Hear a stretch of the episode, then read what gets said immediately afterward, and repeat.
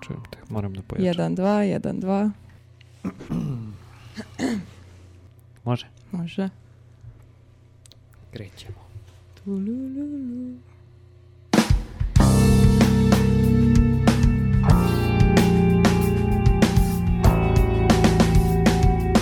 Radio Galaksija.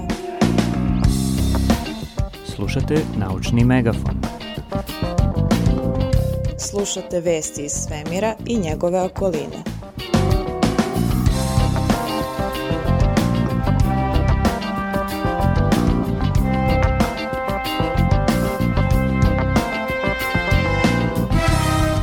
Slušate naučni megafon. Naučne vesti, radio Galaksije. Naučne vesti, radio Galaksije. Kako uopšte možemo da znamo ništa o tome?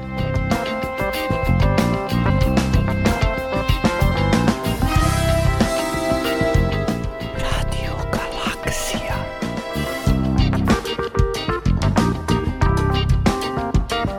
Naučni megafon.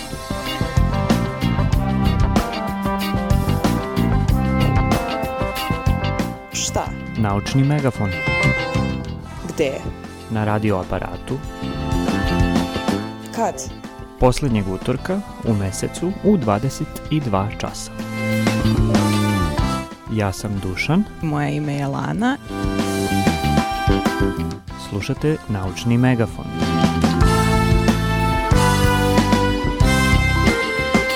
Zašto?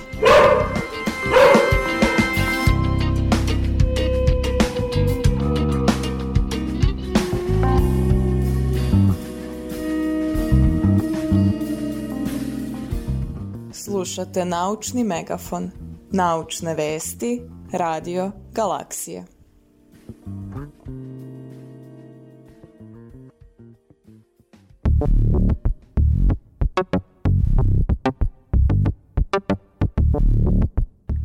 Dobar dan, dobro veče, dobro jutro. E, ne znam kako se kaže ako nas slušate u neko gluvo doba noći. Dobro vam gluvo doba noći. Ako nas tada slušate... Slušate Naučni megafon, epizodu broj 23. Danas je 30. mart 2021. godine i u ovoj epizodi Naučnog megafona vam donosimo neke najsvežije vesti iz nauke i njene okoline eh, iz meseca marta. Počelo je proleće pre nekoliko dana. Tačnije pre 10 dana, 20. marta i to u tačno 10 sati i 37 minuta pre podne. Tada je sunce na svojoj putanji prošlo kroz tačku prolećne ravnodnevnice. Obdanica je postala duža od noći. Dakle, ovo je prva prolećna epizoda nove sezone naučnog megafona. Dobrodošli. Dobrodošli.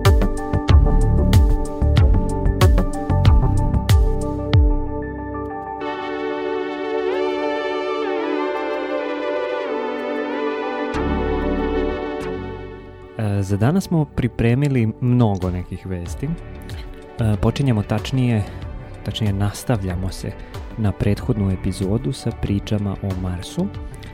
Pa malo i o nekim meteoritima i o onom čuvenom ekstrasolarnom posetiocu kome smo posvetili celu epizodu radio emisije pre par nedelja. Uh, oh, mo, uh, mo. Oumuamua, e, ne, Oumuamua. Znači ide ou, pa onda dva puta mua. Oumuamua.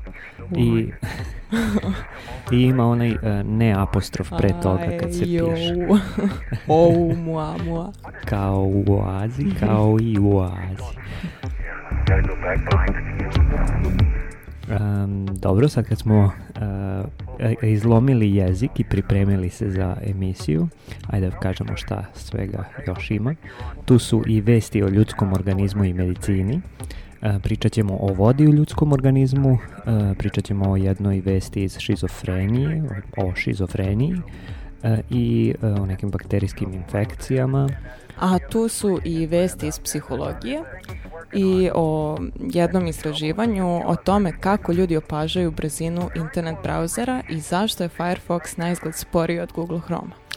A onda sledi jedan maratonski pregled vesti iz životinskog carstva. Da. Februar je u ovoj našoj emisiji bio mesec Marsa, a Mart će biti mesec životinskog carstva. I tu je jedna vest i o čoveku i potrošnji vode kod čoveka opet lomljenje, lomljenje jezika, Mars, Mart, životinsko carstvo, carstvo Mars. Um, da, pričamo o životinskom carstvu, uh, a i ljudi su deo životinskog carstva. Pa jesu. Životinskog carstva koje osvaja svemir. Tu je jedna vest o tome kako se ljudski organizam i ljudska svest ponašaju u svemiru. Polećemo! Polećemo.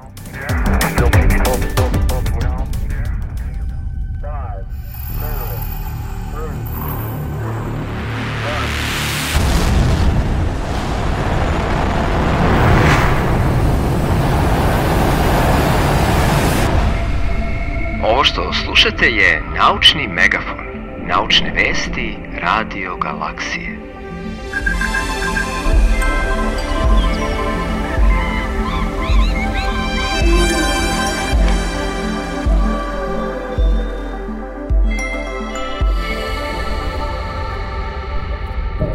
Želimo vam sve najlepše sa naše planete.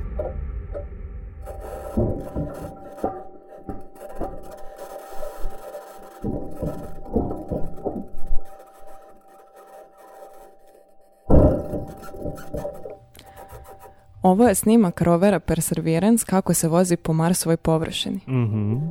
Ovo je novi snimak koji nam je stigao sa Marsa. E, upravo možemo da čujemo kako njegovi metalni točkovi gaze površinu i kamenčiće na Marsovoj površini.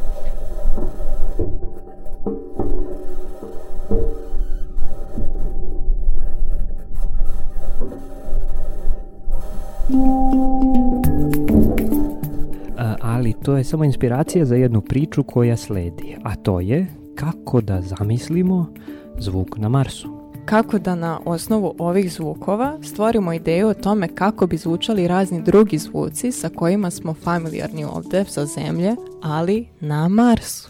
I evo jednog primera. Skoro svi živimo u nekim gradovima i navikli smo na zvuke saobraćaja na ulicama i na zvuke ptica okolo, to jest na ove zvuke.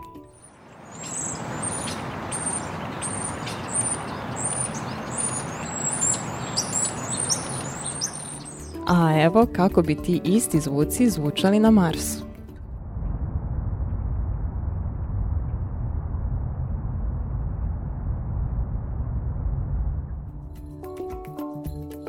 Jedan nasin tim je napravio analizu ovih snimaka sa Perseverance-a, uzimajući u obzir i karakteristike atmosfere i atmosfere zemlje, pozabavio se prostiranjem zvuka kroz atmosferu i percepcijom zvuka kod čoveka, a onda aproksimirao kako bi to izgledalo kada bismo na kada bismo bili na Marsu i uh, voilà, dobili smo kolekciju zvukova, uh, jedan imaginarno marsovski zemaljski, marsovsko-zemaljski zvučni ambijent. Uh, evo još nekih zvukova. Nadam se da imate slušalice, jer slušanjem preko slušalica ćete bolje čuti razlike.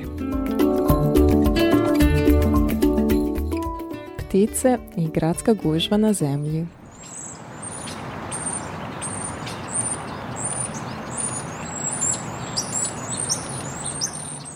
Ptice i gradska gužva na Marsu.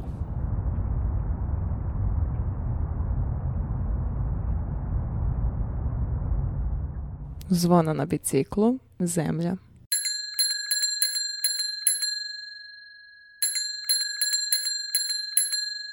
Mars.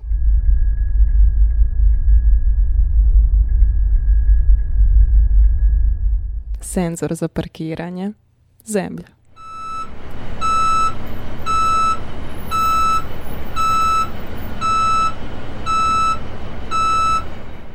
Parkiranje na Marsu.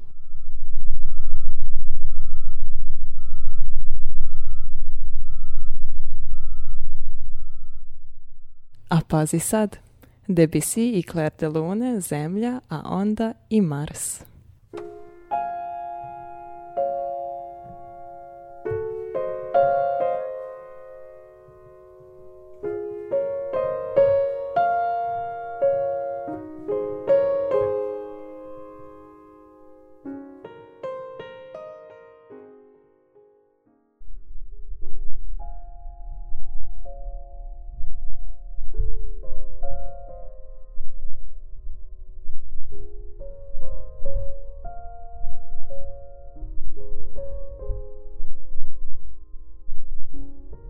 Perseverance je sa sobom poneo dva osetljiva mikrofona i to je prvi put da možemo da direktno detektujemo zvuk na Marsu.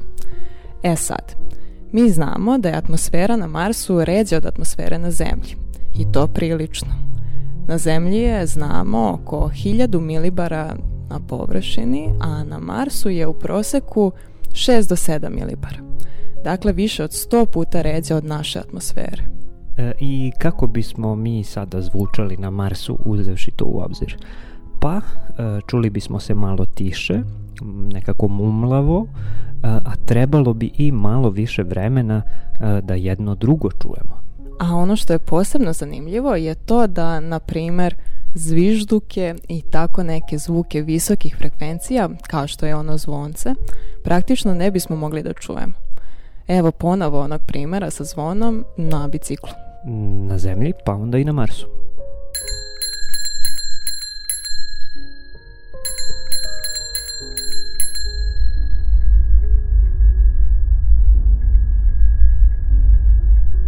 E, kao što je Lana pomenula, atmosfera Marsa je drugačija – drugi su temperature, gustine, a i hemijski sastav je drugačiji. I naravno, kao što znamo iz fizike, zvuk se drugačije prenosi od izvora do naših slušnih koščica kroz sredine različitih karakteristika. Drugačiji vazduh, drugačiji zvuk. Jeste. Brzina zvuka u vazduhu Marsa je oko 240 metara u sekundi. Za razliku od 340 metara u sekundi na Zemlji. Na malim udaljenostima to je maltene neprimetno, ali na većim se može primetiti. Dakle, gustina vazduha utiče i na glasnoću zvuka. Na Marsu biste morali da budete mnogo bliži sagovorniku da biste se čuli. Ili biste morali da govorite mnogo glasnije. E, a ono što je najzanimljivije je kako hemijski sastav utiče na zvuk. Neki molekuli u atmosferi apsorbuju, to jest upijaju zvuke nekih određenih frekvencija slično kao i svetlost određenih frekvencija. Ugljen dioksid, na primer, upija zvuke visokih frekvencija. A pošto je Marsova atmosfera prepuna ugljen dioksida, čak 96% atmosfere tamo čini ugljen dioksid, čuli bismo samo dublje tonove. Naravno, pošto je atmosfera na Marsu maltene od ugljen dioksida i tako redka i tako hladna, astronauti na Marsu moraju da nose svemirska odela, pre svega kako bi mogli da dišu. A to bi onda pomoglo i da mogu da čuju zvuke onako kako su navikli na zemlji. E, na primer, ovaj zvuk okeana na Marsu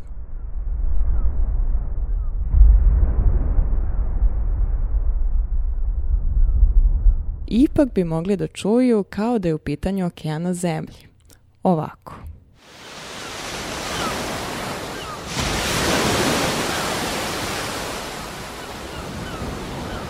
I time prelazimo na sledeću vest. Okeani na Marsu možda ipak postoje.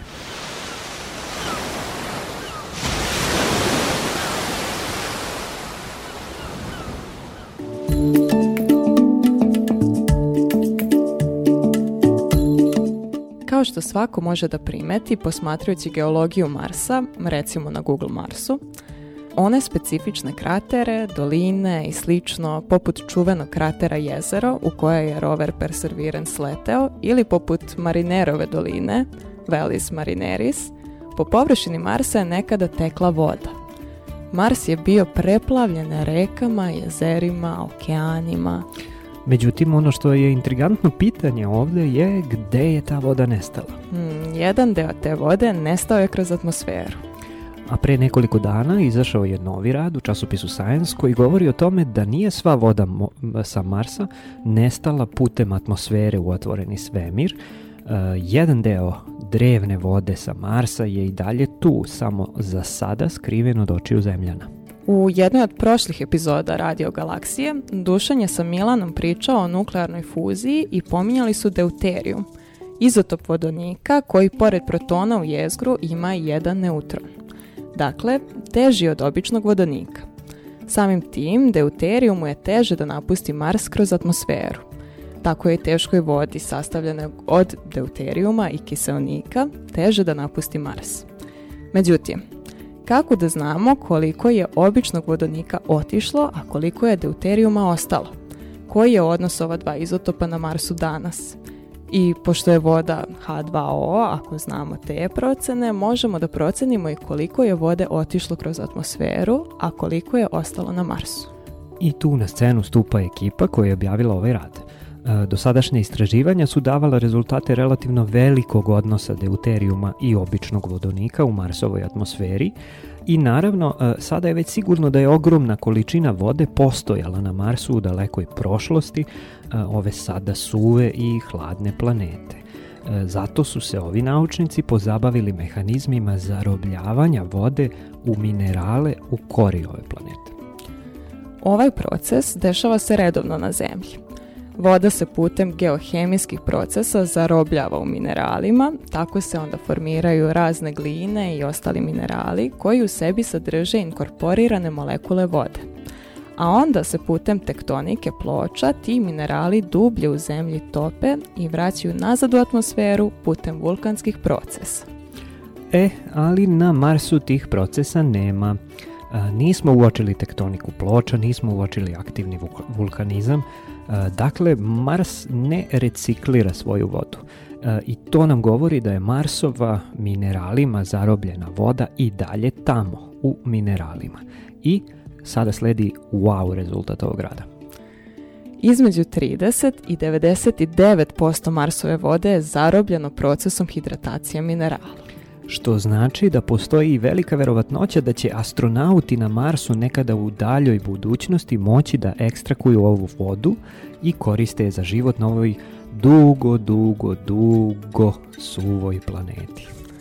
I to je upravo jedan od zadataka Perseverance, Perseverance, Perseverance ili ti istrajnost misije, pošto mi je mnogo lakše tako da kažem, da se pozabavi i ovom temom. Pričat ćemo još o ovome u budućim epizodama, a ako vas interesuje više o ovom radu, možete ga pronaći u časopisu Science. Pod nazivom, e sad ja lomim jezik na engleskom, uh, Long Term Drying of Mars by Sequestration of Ocean Scale Volumes of Water in the Crust. A sada prelazimo na ljude i na vodu u ljudskom organizmu.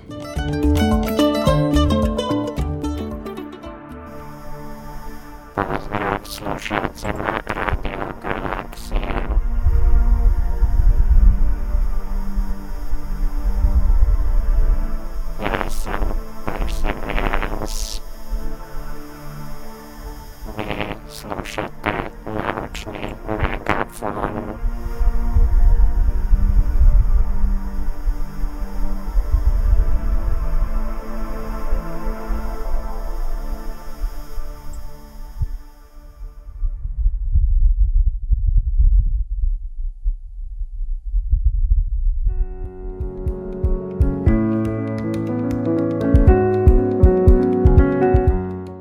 šta bi ti Dušane rekao da je neka glavna razlika mm, između nas i drugih primata? Pa mi imamo sposobnost da hodamo na dve noge, onda naše kognitivne sposobnosti. Jeste, a pronađena je još jedna važna razlika, a to je upravo ušteda vode. Um, ova razlika jeste glavni take home message novog istraživanja koje je objavljeno u časopisu Current Biology. Ljudsko telo koristi 30 do 50% manje vode dnevno nego majmuni. Jel to zbog avanturističkog duha naših predaka? Odnosno zato što su ljudi voleli da putuju daleko od izvora vode ili... Pa jest. Ova karakteristika verovatno je nastala kao evolutivna adaptacija kod drevnih lovaca skupljača koji su lutali daleko od izvora vode u potrazi za hranu što kaže i Herman Poncer, istraživač u ovom projektu i profesor evolutivne antropologije na Duke univerzitetu. A, kako je tačno teklo istraživanje? E pa, kao što znamo, da bismo preživeli, potrebno je da održavamo balans unete i izbačene vode svakog dana.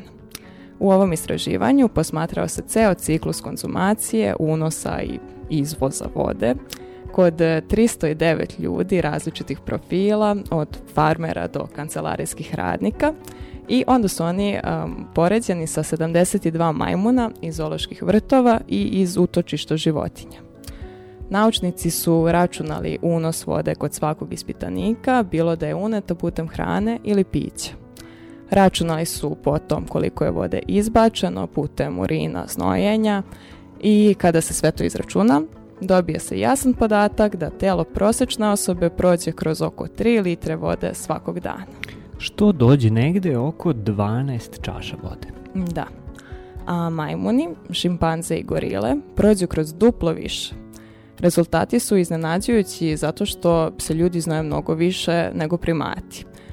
Na jedan kvadratni inč kože ljudi postoji 10 puta više znojnih žlezda nego kod čimpanzi ali ljudi vode mnogo aktivnije živote od majmuna u zološkim vrtovima, e, mnogo se više kreću, a tokom fizičke vežbe od pola sata možemo da izbacimo skoro 2 litra vode, kako je onda moguće da koristimo drastično manje vode. E da, majmuni u zološkom vrtu i oni koji nisu u zološkom vrtu ne kreću se puno, svega par sati na dan. 10 sati spavaju, 10 do 12 sati se hrane i odmaraju a mi moramo da nađemo neke evolutivne mehanizme kao opravdanje ovog fenomena. E, naša tela su prosto morala da se prilagode na manje vode, a da pritom ostanu zdrava. A, naučnici se trenutno fokusiraju na način kako je došlo do ove promene.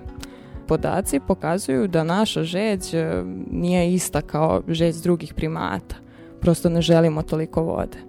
Um, ovo se vidi i u odnosu vode i kalorija u ljudskom mleku, koji je 25% niži nego u mleku majmuna. Takođe, moguće je da je i naš nos umešan u celu priču. Fosili pokazuju da su ljudi dobijali sve isturenije noseve pre oko 1.6 miliona godina, odnosno sa pojavom Homo erectusa, a gorile i šipanze imaju ravnije noseve. E sad, zašto je ovo značajno? Pošto izdišemo vodenu paru, nazalni pasaži u stvari hlade i kondenzuju paru i onda se pretvara nazad u tečnost. Onda se ova tečnost skuplja u nosu i ponovo se vraća u organizam i koristi. E, znači isto kao i naša planeta Zemlja i nos reciklira vodu. Da, za razliku od Marsa. Sve u svemu, e, nosevi koji štrče pomogli su drevnim ljudima da održe vlagu dok dišu. Tako da volite vaše noseve koje god da su oblik. I pročitajte rad koji je objavljen u časopisu Current Biology pod nazivom Evolution of Water Conservation in Humans. Jednostavan naslov. E, još jedna stvar po kojoj se razlikujemo od primata je naš osjećaj za vreme, e, za koncept budućnosti, samokontrolu i tako dalje i to je sve u fokusu jednog poznatog psihološkog testa, poznatog kao marshmallow test. E, to je tema naše sledeće priče, s tim što izvršioci testa nisu ni ljudi, ni primati, već beskičmenjaci. mm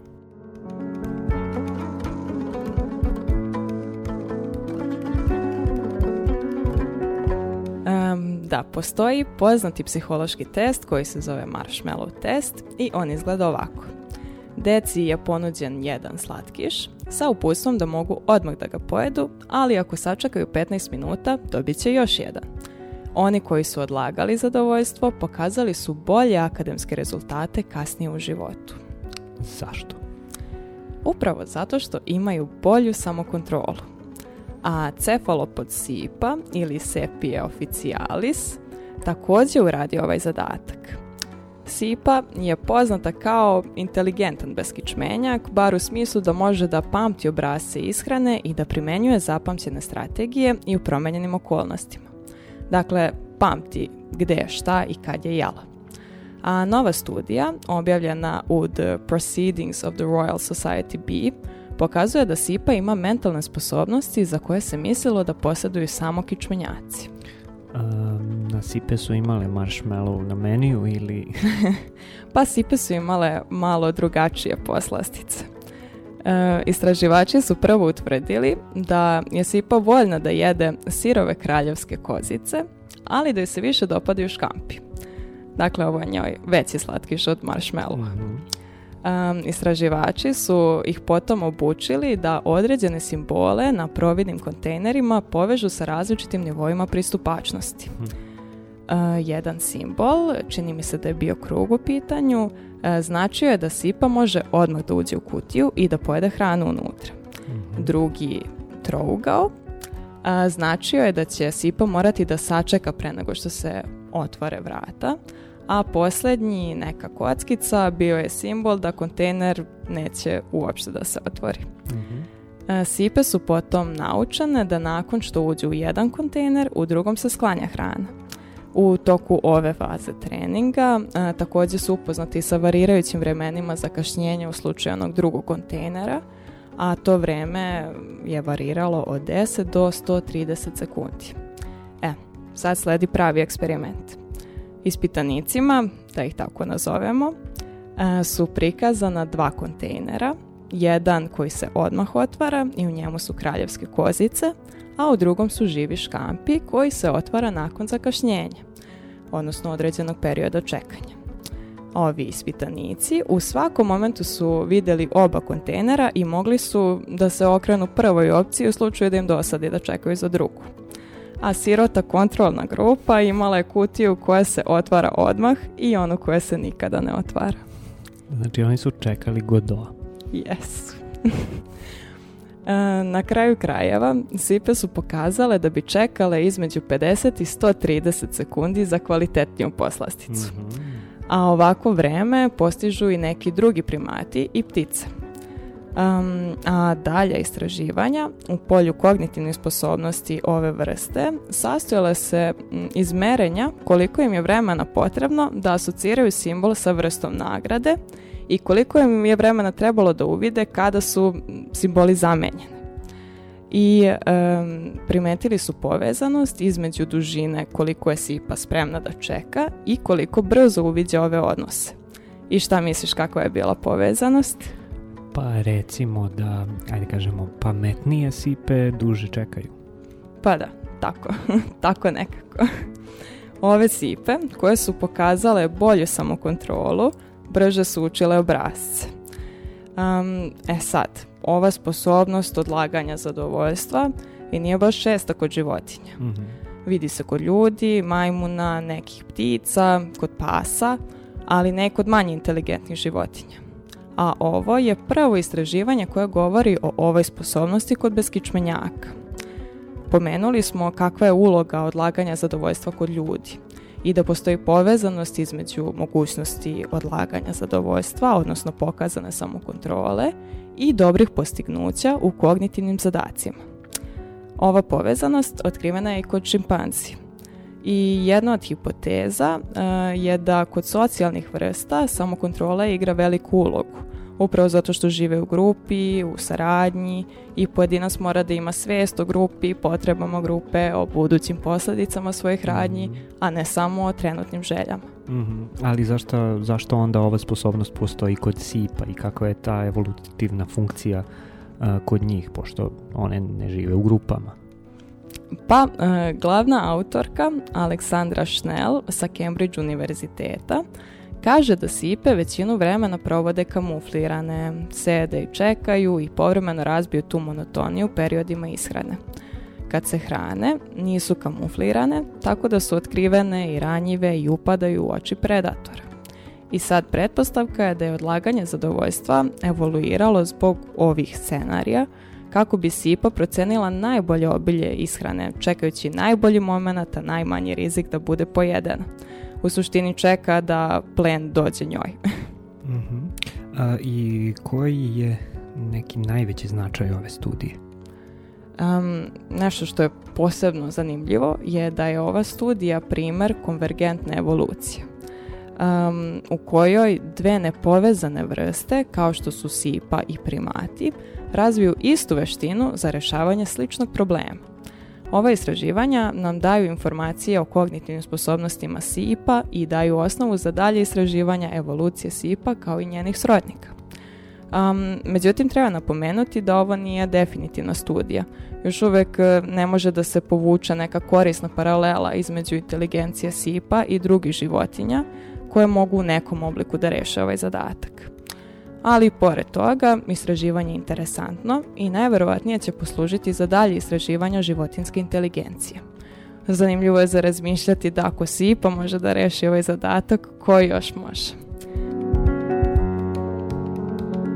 Um, možete pročitati ovaj rad pod naslovom Cutterfish Exerts Self-Control in a Delay of Gratification Task.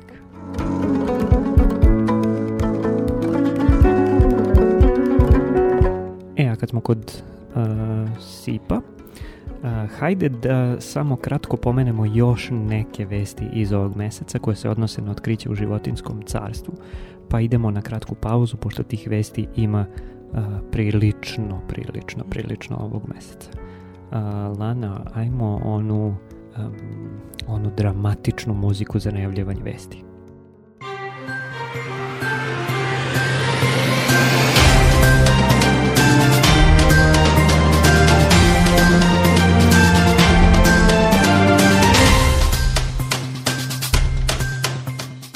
Pronađen je najveći bioluminiscentni, odnosno svetleći kičmenjak i na nebu i na zemlji, odnosno i u zemlji i u moru. Bioluminiscencija javlja se kod različitih vrsta preko bakterija, gljiva, svitaca, riba, lignji, meduza. Ovaj proces je biohemijska reakcija koja zavisi od liciferina, malih molekula koji reaguju sa proteinima i stvaraju svetlo. Svetleća ajkula zove se Dalaishas liha ili Kitefin ajkula. Potiče sa Novog Zelanda i raste i do 6 stopa, odnosno 1,8 metara u dužinu. Za razliku od mnogih drugih bioluminiscentnih organizama, kod ove ajkule svetlo reguliše hormon melatonin, a ne nervni sistem. Takođe, drugi hormoni gase svetlo, ali još se ne zna zašto. Ovu studiju možete naći u Frontiers in Marine Science pod imenom Bioluminescence of the largest luminous vertebrate vertebrate vertebrate the Kitefin shark Dalacious liha First Insights and Comparative Aspects. Govorili smo o samokontroli i svesti o budućnosti, a nova istraživanja pokazuju da konji takođe verovatno poseduju jednu od ključnih kognitivnih osobina. Svest o sebi. Ovo proizilazi iz činjenice da konji prepoznaju sebe u ogledalu. Čak i u grupi od 14 konja jedinke prepoznaju sebe u ogledalu, a ako vide da su uprljani od blata, pokušavaju da se umiju.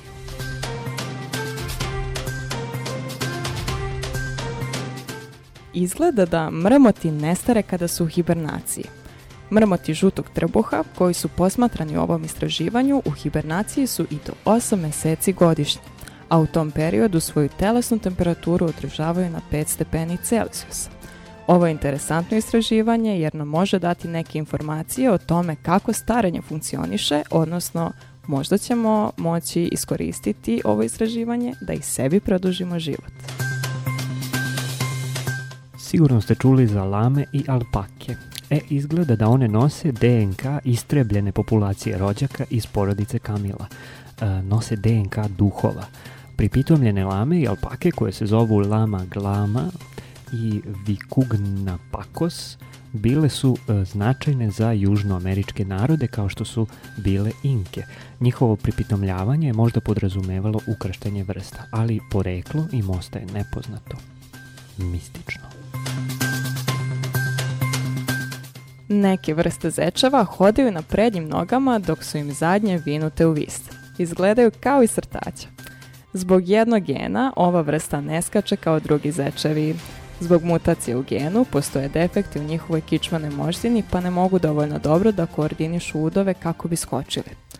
Ove zeke zovu se Sater delfor, a gen koji nose e, i zove se RORB ili RORB, a, on nosi mutaciju, a njegova glavna uloga je da povezuje levu i desnu stranu tela, što je i ključno za koordinaciju pokreta. Ovo je specifičan slučaj gde je mutacija samo jednog gena zaslušna za drastičan efekat.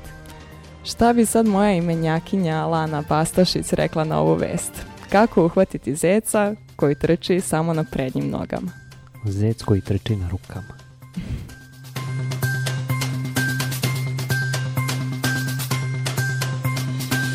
E, još jedno istraživanje bazirano na DNK pokazuje da australijski dingo nije ugrožena vrsta kao što se mislilo. Smatralo se da su ugroženi kao posledica parenja sa pripitomljenim, e, to jest nedivljim psima. E, međutim, naučnici su analizirali DNK velikog broja pasa i dingo pasa kako bi videli da li se dovoljno jasno razlikuju i pokazali su da i ako je bilo ukrštanja vrsta, Eh, ona nisu toliko česta i ne ugrožavaju jedinstvenost dingovog DNK. DNK dinga i psa se veoma razlikuju iako imaju zajedničke korene zato što su u Australiji bili razdvojeni 5000 godina možda i više.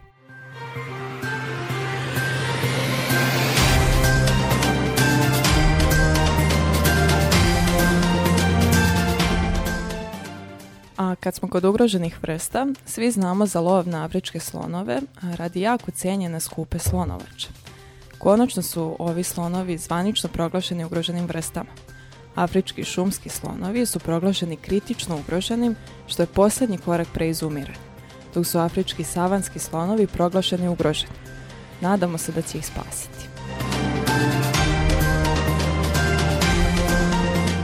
A kad smo kod Australije, e, velika istrebljena vrsta kengura koja je živela na australijskom kontinentu pre oko 40.000 godina, polovinu svoga života provodila je na drvetu. To je čudna jedna sposobnost za tako velikog torbara. Istraživani su ostaci muškog i ženskog australijskog kengura, vrste koja se sad zove Kongurus kičeneri skeleti su skoro u potpunosti očuvani i pokazuju neuobičajeno duge prste i stopala sa dugim, uvijenim noktima. Pretpostavlja se da je to zbog toga što polovinu svog vremena provode na zemlji, a polovinu na drveću, e, što je i danas zastupljena pojava kod manjih torbara. Ali ova vrsta je bila teška bar 50 kg i penjala se uz pomoć repa, ne njišući se po granama. A, pošto na području sa koga potiče sada nema drveća, ovi nalazi nam ukazuju na promenu u sredini. A sada još jedna, ali davno, davno izumrla vrsta. Novo iskopavanje u Mongoliji otkrivaju skelet ankilosaurida, da oklopnika, glomaznog četvoronožca sa kratkim i moćnim udovima, pogonim za kopanje. Um, on je živeo tokom perioda krede, negde pre 84 do 72 miliona godina. Istraživanja ukazuju na sposobnost dinosaurusa da kopa, što je zanimljivo jer je sposobnost kopanja kod dinosaurusa redko zastupljena. Sakupljeni su ostaci skeleta jedinke koja je bila oko 6 metara dugačka koji nam pružaju podatke o evoluciji i ponašanju vrste.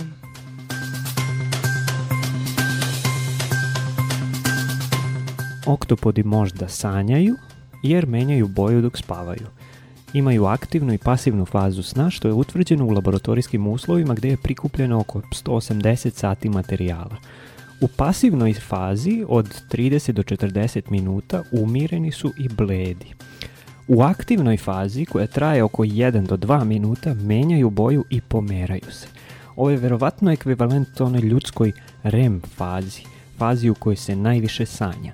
E, nisu reagovali na snimke kraba koje su eksperimentatori pokazivali što je pokazatelj da su zaista spavali jer su u budnom stanju e, reagovali na ove stimuluse.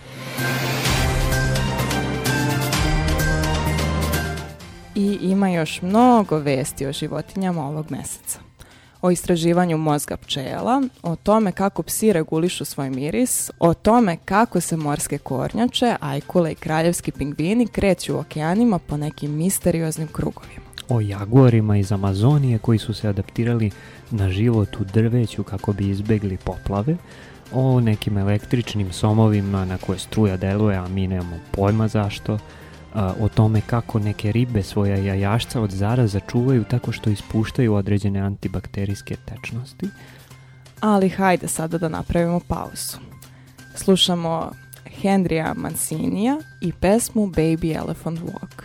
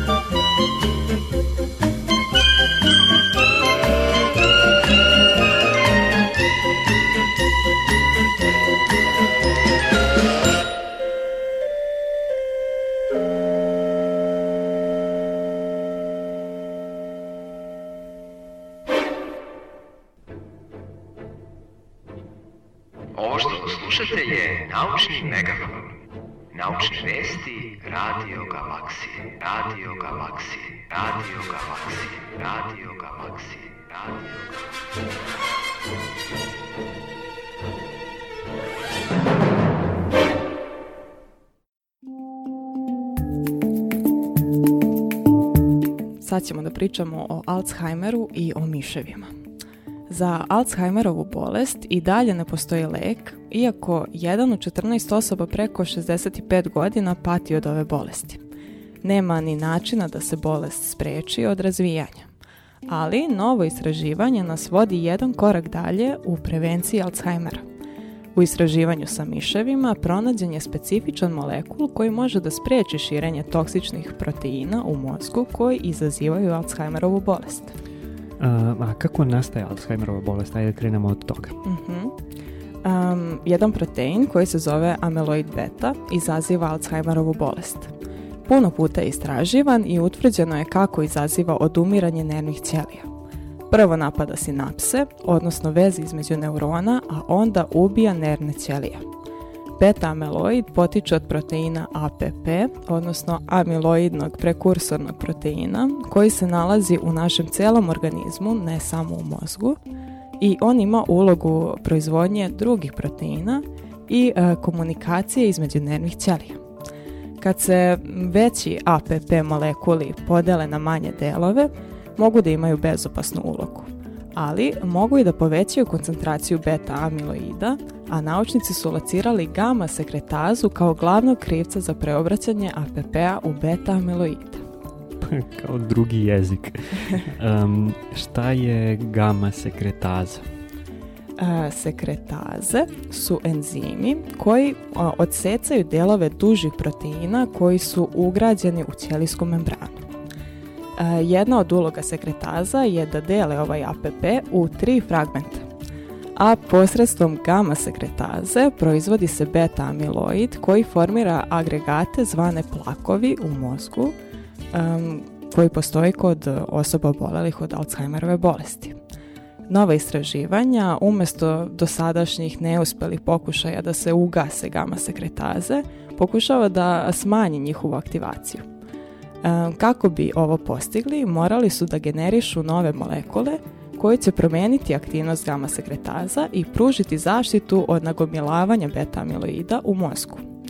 Tim je koristio miševe koji su bili izloženi proizvodnji više beta amiloida, tako da su pokazivali znake Alzheimera.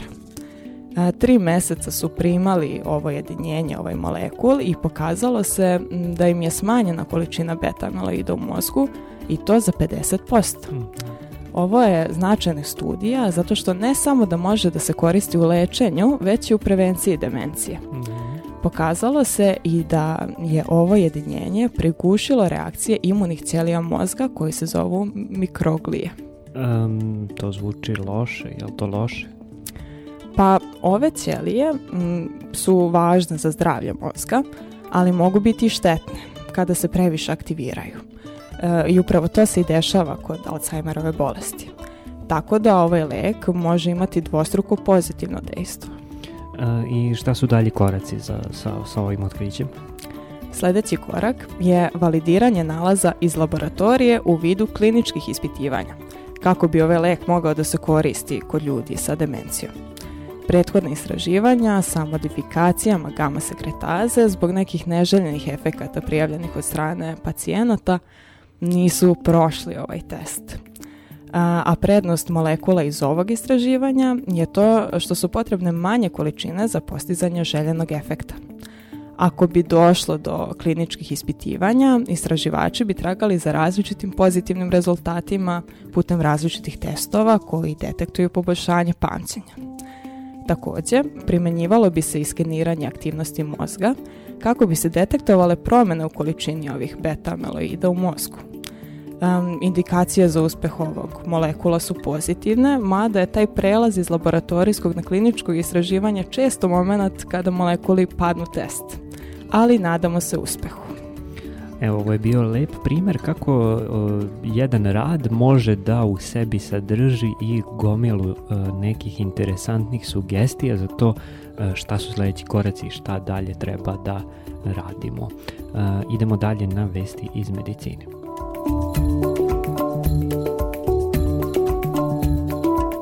Šizofrenija je jedan od najopakijih poremećaja ličnosti i leči se na razne načine. Uh, a, a i dalje je polje opsežnog istraživanja kako u psihijatrijskim i neurofarmakološkim istraživanjima, a, e, tako i u psihoterapiji. Istraživači se već dugo bave vezom između neuropsihijatrijskih oboljenja i nekih bakterijskih infekcija. I razne stvari su nam do sada ukazivale na to da neke bakterijske infekcije možda imaju veze sa šizofrenijom. Na primjer, postoje istraživanja koja predlažu da je jedan zoonotički parazit, a znamo da je zoonoza prelazak patogena sa životinje na čoveka, toksoplazma gondi, um, koji je učestali parazit kod mačaka, odgovoran za razvijanje šizofrenije kod vlasnika mačaka. I da, to sada zvuči potpuno suludo kada se tako kaže, ali moramo da podcrtamo da ova studija nije potvrđena Navodimo je samo kao primjer. Šizofrenija je na razne načine ispitan poremećaj, ali uzroci se i dalje ne znaju. Međutim, istraživači sa North Carolina State University i University of North Carolina e, u Chapel Hillu e, su pronašli tragove jedne druge infekcije povezane sa mačkama. Pronašli su te tragove u krvi ljudi koji pate od šizoafektivnog poremećaja. Eh, i to je dovelo do eh, jednog od mogućih uzroka. Um, Čekaj, eh, previše su ovo različite stvari. S jedne strane poremeće ličnosti, s druge strane bakterijske infekcije. Prvo moramo da objasnimo šta je šizoafektivni poremećaj. Ovaj poremećaj karakteriše istovremeno ili u razmaku od nekoliko dana, ali u okviru iste epizode – E, postojanje šizofrene simptomatologije i maničnih i depresivnih elemenata. Pritom, e, depresivna simptomatologija je češća nego manična i postoje dva tipa. Bipolarni, koji je češći kod mlađeg uzrasta, i depresivni. Slažem se, hvala na ovom pojašnjenju. Um, ova vest povezuje nekoliko naizgled spojivih stvari. E, bakterija na koju su oko bacili ovi istraživači je Bartonella, inače poznata među mačkarima kao bakterija koja izaziva bolest nakon mačije ogrebotine, a, a inače je prenose krpelji, buve i slično. E, stručan naziv ove bolesti je limforetikuloza i za nju je odgovorna bakterija Bartonella henselae. Ali mačke u sebi nose i bar još dve druge vrste Bartonele. Bartonella claridgeje i Bartonella kolere. E, hajde da vidimo kako su ovi istraživači povezali Bartonelu i šizofreniju, odnosno šizoafektivni poremećaj. Oni su istraživali 17 ljudi sa stabilnim medicinski kontrolisanim šizofrenijama i šizoafektivnim poremećajima i 13 zdravih ljudi koji su koristili kao kontrolnu grupu u odnosu na koje su upoređivali rezultate, da tako banalizovano kažemo, kako bi potražili infekciju Bartonelom. Istraživanje je takođe uzimalo u obzir i izloženost Bartoneli tako što su svi učesnici istraživanja popunjavali upitnik o simptomima i potencijalnim kontaktima sa Bartonelom. I i 12 od 17 ljudi sa diagnostifikovanom šizofrenijom su imali DNK Bartonele u svojoj krvi, dok je samo jedan od 13 ljudi iz kontrolne grupe imao DNK Bartonele u svojoj krvi. E, I e, ispostavilo se da je taj uh, učesnik kontrolne grupe imao slične kućne ljubimce i izloženost mulama kao i eh, ovi eh, u, u istraživačkoj grupi. Um, e sad, um, sad ćete da se pitate kako su oni došli do DNK. U pitanju je jedna nova diagnostička tehnologija pod nazivom DDPCR analiza, skraćeno od Droplet Digital PCR.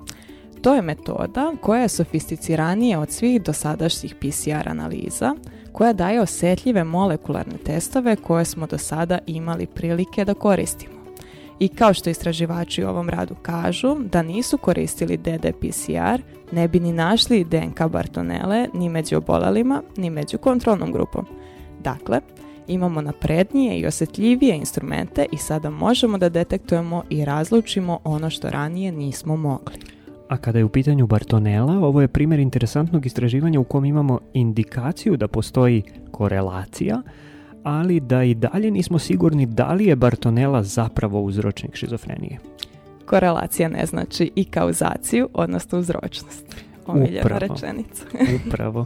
E, zato mi je ova vest između ostalog i bila zanimljiva jer ilustruje kako istraživanja ovakvog tipa funkcionišu kao što rekoh, imamo naizgledne spojive stvari, ali ipak pronađemo neku korelaciju, neka preklapanja. I to je odmah jedna lampica za dalje razmišljanje i dalje istraživanja i upravo je to ono što sledi nakon ovog rada. A, e, možete slobodno da bacite pogled na ceo ovaj rad ako vas interesuju detalji. On je objavljen 15. marta ove godine u časopisu Vector Borne and Zoonotic Diseases – a naslov mu je Schizophrenia and Bartonella Species Infection, a Pilot Case Control Study. Autori su Lašnic i saradnici.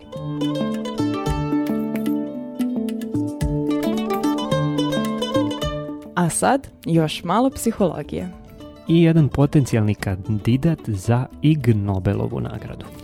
Istraživači kažu Čitanje o internet browseru Firefox čini da se onome ko čita čini da je Firefox brži od Google Chroma.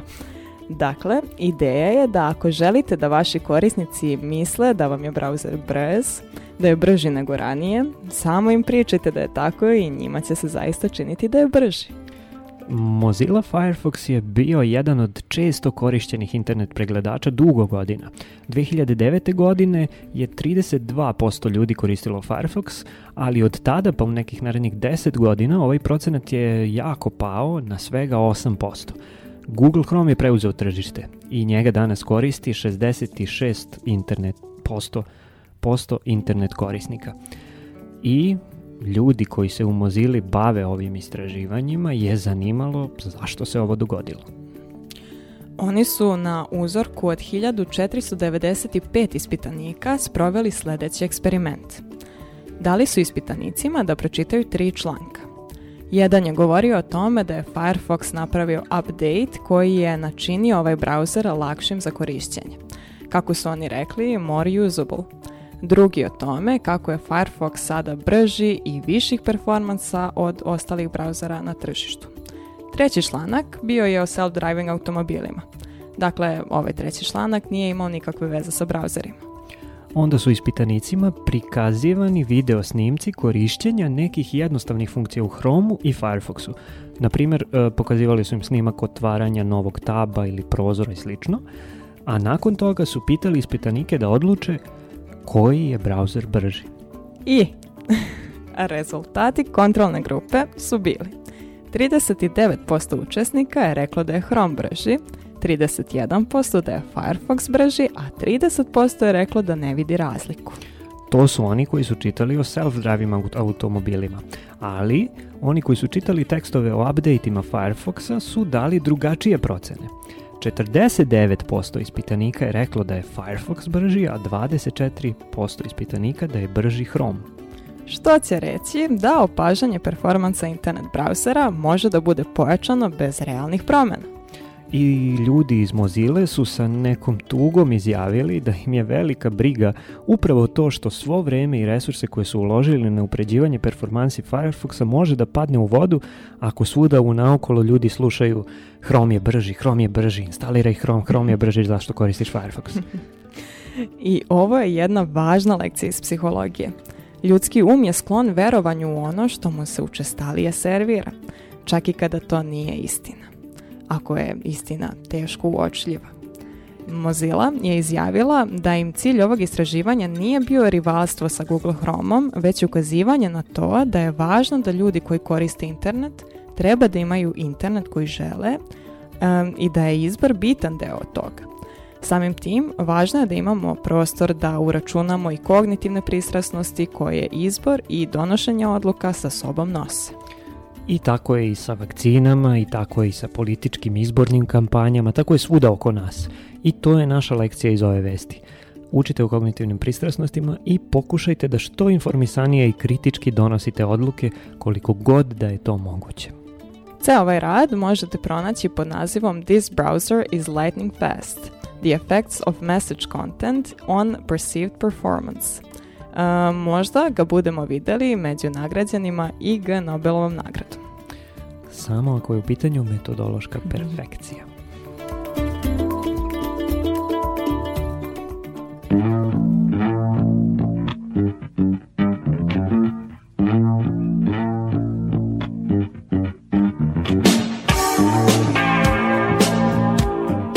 Ovo što slušate je naučni megafon naučne vesti Radio Galaksije.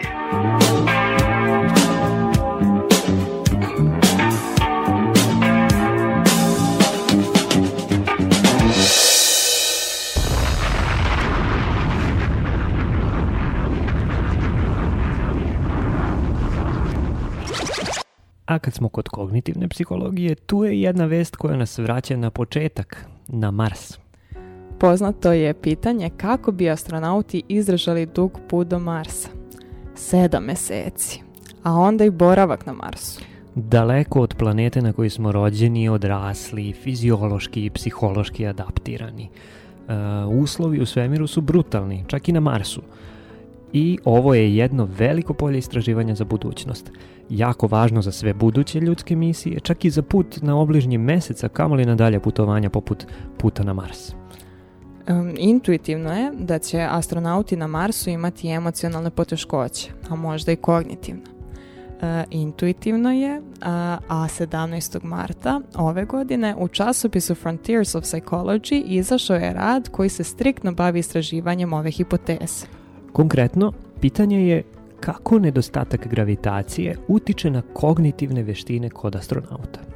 Već dugo znamo, još od prve svemirske misije, da izloženost takozvanoj mikrogravitaciji ili bestežinskom stanju vodi ka dramatičnim promenama u ljudskom telu.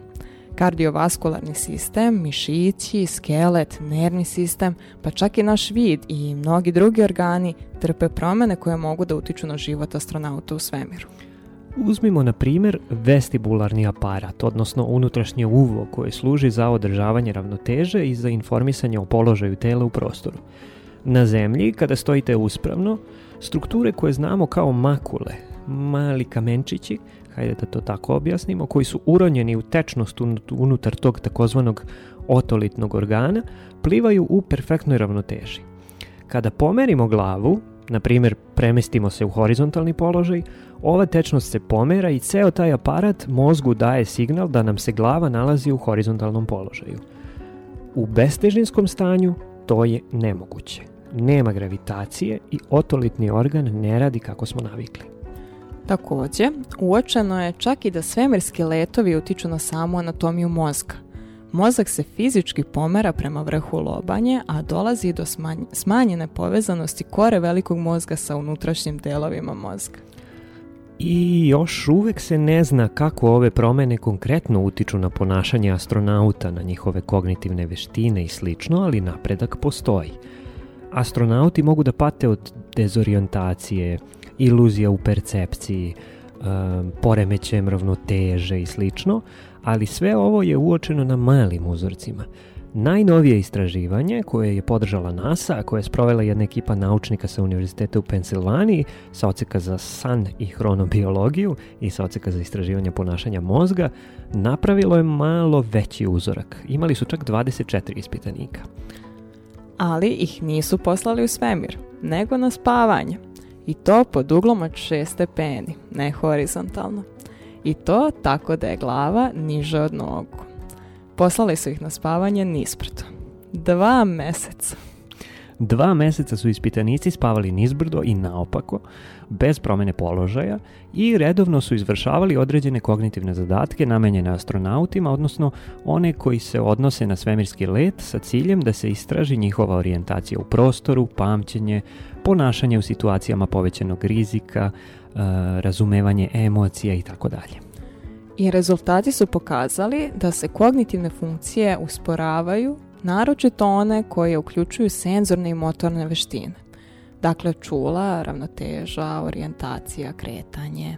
A takođe, pokazalo se da učesnici imaju poteškoće u čitanju emocija pri posmatranju facijalnih ekspresija drugih ljudi. Ali to je nekako i očekivano i to je ono što su na neki način i prethodne studije pokazivale. Da, ali ova studija pokazuje nešto novo. Uspeh pri izvršavanju ovih raznih kognitivnih zadataka opada s vremenom – ali se posle nekog vremena ustali. To jest, mozak se adaptira na nedostatak gravitacije. Međutim, sposobnost prepoznavanja emocija se pogoršava. Šta više, ispitanici postaju pristrasniji kada su u pitanju negativne emocije. Lakše će prepoznati facijalne ekspresije besa, a teže ekspresije sreće ili neutralne ekspresije. I to je ono što je jako važno u ovom istraživanju ta pojava može da dovede do ozbiljnih problema u ljudskim svemirskim misijama koje dugo traju. Pa nama je među najvažnijim stvarima kod takvih misija upravo da astronauti ostanu pribrani, da jasno misle, da umeju da uoče kod svojih saputnika emocije i da brzo i adekvatno odreaguju raznim situacijama. Da, i to je možda jedan od najnezgodnijih problema. Tehnologija će rešiti probleme surovih uslova i slično skoro je izvesno e, da ćemo moći da napravimo kolonije na mesecu ili na Marsu u kontekstu toga da se tehnologija razvija tako da ćemo moći da gradimo, ekstrakujemo vodu iz površine i slično. Međutim, to nam neće mnogo značiti ukoliko ne uspemo da rešimo problem kognitivno-emotivnih poteškoća koje boravak u bestežinskom stanju sa sobom nosi. I upravo to e, je polje koje će se u budućnosti znatno više razvijati. Morat ćemo da osmislimo načine kako da psihologiju, fiziologiju i medicinu mnogo više uključimo u svemirska istraživanja.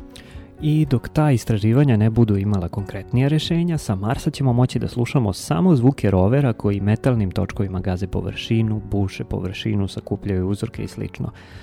Ja se iskreno nadam da ćemo mi doživeti prve ljude na Marsu, upreko svim tim obstrukcijama koje nam psihologija i fizi fiziologija nameću. Hajde sad da privodimo emisiju kraju. Ali nismo pomenuli ovu muamua. o da. Uh, baš je mnogo stvari koje nismo pomenuli. Nismo pomenuli ni one meteorite, ali hajde kratko da se za kraj vratimo na mala tela sučog sistema a, moje omiljene teme iz astronomije. Namerno si to uradio. ok. Šta je sa Oumuamua? Zar niste Igor i ti sat i po vremena pričali o tome pre par nedelja? Uh, jesmo, ali je umeđu vremenu izašao još jedan rad. Tačnije, jedno istraživanje podeljeno u dva rada, objavljenih u časopisu JGR Planets. Uh, I u epizodi u kojoj smo Igor Smolić i ja govorili o međuzvezdanom posetiocu, o Muamua, e, pomenuli smo probleme sa određivanjem porekla ovog malog tela. E, veliko je pitanje od čega je sastavljeno to telo i odakle potiče, s obzirom da su negravitacione promene brzine ovog tela bile neuobičajene. Bilo je teorija da je sastavljeno od azotnog leda, ali je pitanje odakle takav objekat i dalje otvoreno ova ekipa istraživača je došla do zaključka da je u pitanju fragment tazotnog leda poreklom od raspadnutih ledenih tela poput naše planete patuljka Pluton ili Neptunovog satelita Triton. Takođe, Ovi istraživači su napravili model sudara ovakvih velikih tela i procenu broja sličnih ledenih fragmenata koji bi mogli da nastanu pri takvim sudarima. To je inače i bila pretpostavka, ali ovaj rad daje neke konkretne brojke. E, možda bude više detalja o tome u nekoj budućnosti, vidjet ćemo. E, a kad smo kod sudara, iznad Velike Britanije se pojavio jedan sjajan meteor koji je i pao na površinu, a onda je ubrzo nakon toga pronađen. Rob Wilcock, njegova žena Catherine i čerka Hana iz svemira su u svom dvorištu dobili na poklon jedan preko 4 milijarde godina star kamen. Najvrednije otkriće britanske meteoritike e, palo je u dvorište porodice Wilcock. E, u pitanju je ugljenični hondrit, meteorit koji je maltene nepromenjen lutao svemirom od samog nastanka sunčevog sistema i koji samim tim sa sobom nosi interesantne podatke o tome kako su nastale planete. E, međutim, ono što je posebno važno je što je ovaj meteorit e, snimljen i kao meteor, svetlosna pojava koju je izazvao dok je padao kroz atmosferu.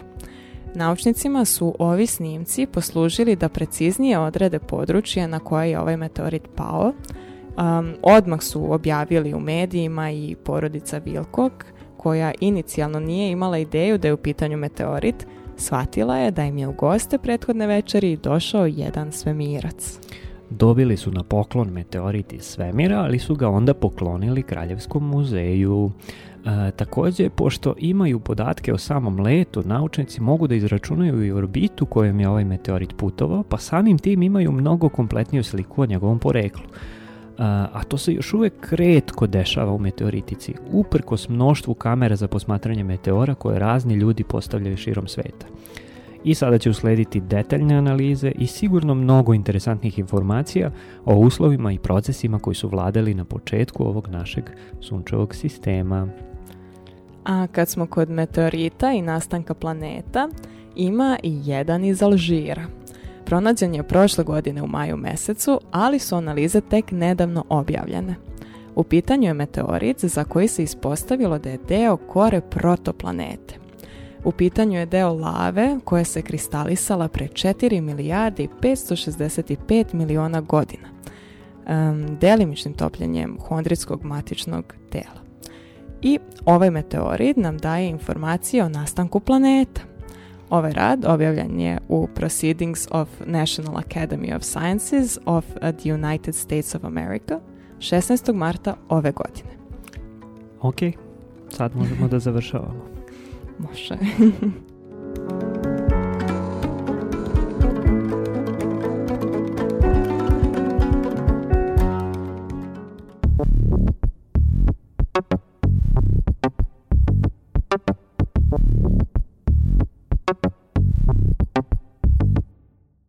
Slušajte Radio Galaksiju, Naučni megafon, Jedan pisac, jedna knjiga, svakog utorka od 22 časa na radio aparatu, a nakon toga i na svim servisima za slušanje podcasta. Spotify, Deezer, Apple Podcasts, Google Podcasts, Mixcloud i tako dalje i tako dalje i tako dalje a pratite nas i na društvenim mrežama.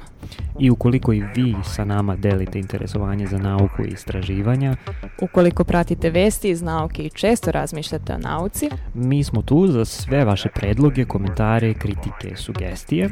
Možete nam pisati preko društvenih mreža ili na e-mail adresu kontakt@radiogalaksija.rs a ako želite da nam pomognete da se približavanjem nauke bavimo i dalje i intenzivnije, možete nam pomoći redovnim mesečnim donacijama u iznosu koji vi sami odaberete putem Patreona ili Paypala ili na bilo koji drugi način koji vam se učini korisnim Radio Galaksiji.